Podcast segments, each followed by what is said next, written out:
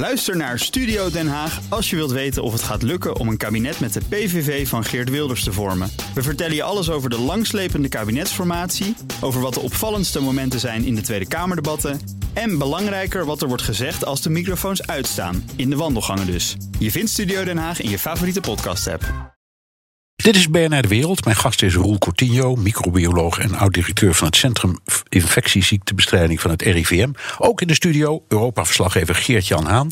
Geert-Jan, uh, je bent een rondje langs Europa gaan maken met de verschillende maatregelen. Oostenrijk bijvoorbeeld heeft een lockdown ingesteld voor ongevaccineerden. Wat zie je nog meer? Nou, ik kan je gelijk het laatste nieuws geven over Oostenrijk. Dat wordt een volledige lockdown in een aantal deelstaten, uh, bijvoorbeeld Salzburg.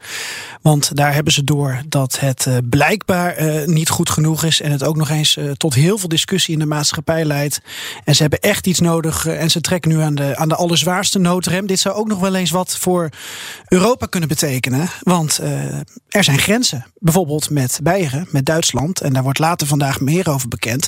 Ja, staat Schengen hiermee wederom onder druk, zoals dat vorig jaar bij die eerste lockdown ineens op het spel werd gezet? Dat is een hele grote vraag voor Europa, want anderhalf jaar lang hebben we eigenlijk niet met elkaar gediscussieerd over willen we dat nog een keer en onder welke voorwaarden. Ja.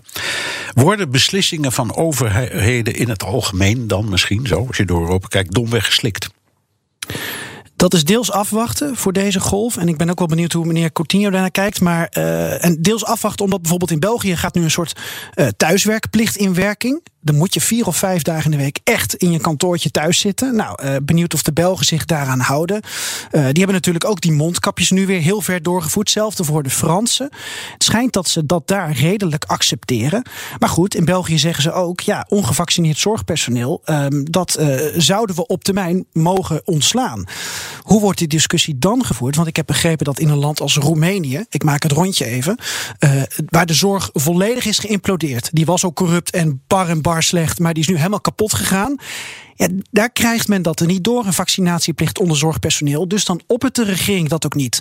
Je hebt allerlei factoren. Meneer Cortino roept het al. Uh, volksaard, uh, communicatie, draagvlak, autoriteiten, solidariteit. Uh, en dat zie je in al die landen een rol spelen. Ja, geef eens een voorbeeld van, van een land waarvan je zegt, nou daar wordt het echt heel anders, die discussie heel anders gevoerd dan in Nederland. Ik denk bijvoorbeeld Italië. Ja, dat wou ik net zeggen, want ik ken Italië ook wel, ja. wel goed. Ik ben er regelmatig. En daar valt het echt op hoeveel, uh, hoe, hoe weinig verzet er is tegen de. Maar is ook wel verzet, maar veel minder. En hoe strak ze zich houden aan de eisen. Als je daar gaat eten, dan word je echt altijd gecontroleerd en wordt er ook gevraagd naar je adres.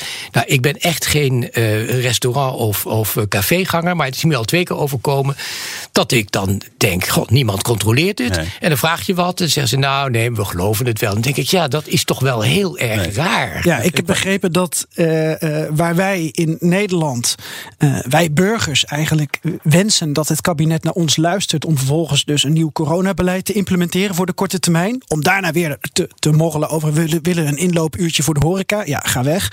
Dat in Italië daar volgen ze vrij trouw de lijn van Mario Draghi.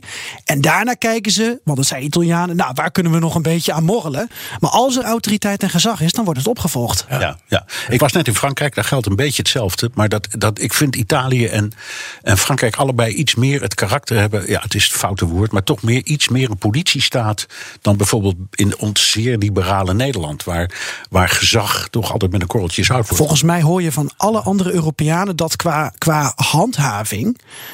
dat dat in Nederland ongekend is. Ja, ik, ik, ik heb namelijk nooit iets gemerkt in Italië van handhaving hoor. Echt niet. Dus okay. ik, ik ben echt nergens gecontroleerd. Alleen. Oh, in Italië de politie. niet? Nee, de, de politie ja. of zo. Ja. Helemaal niet. Dus nee. dat is, het is toch opvallend. Ik vind het heel opvallend. En een politiestaat is Italië echt helemaal niet. En in heel veel dingen houden ze zich helemaal niet aan het gezag hoor. Okay. Nee, dan, maar we hebben het niet over belastingen, maar over volksgezondheid. Uh, Geert-Jan, hoe staat de Euro Europese Commissie nou in deze hele kwestie? Ja, die voelen zich weer uh, voor het blok gezet. Um, het parlement moment ook. Uh, want alle lidstaten, uh, nou ja, ik zei het net al, mogelijk staat Schengen wederom onder druk. Alle lidstaten doen maar wat. Iedereen uh, probeert zelf weer het wiel uit te vinden, weinig naar elkaar te kijken.